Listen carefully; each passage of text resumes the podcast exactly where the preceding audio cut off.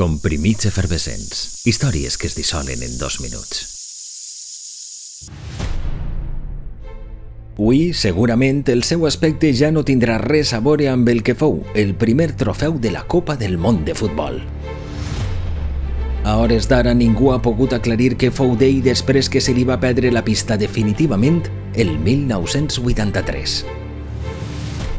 Però abans de l'últim i definitiu robatori visqué un altre furt tan insòlid o més. Un 20 de març robaven en el cor de Londres el trofeu Jules Rimet. Els titulars dels tabloides britànics bramaven sense pietat. Anglaterra organitzava la Copa del Món de Futbol aquell estiu i el trofeu havia desaparegut d'una exposició.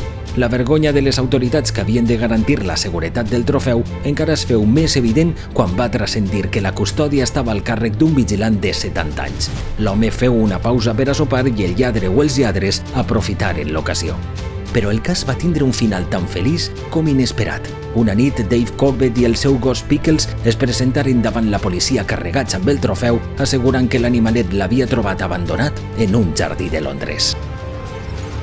Naturalment, Corbett es va convertir en el sospitós número 1, però prompte la policia va comprovar la veracitat de la seva versió.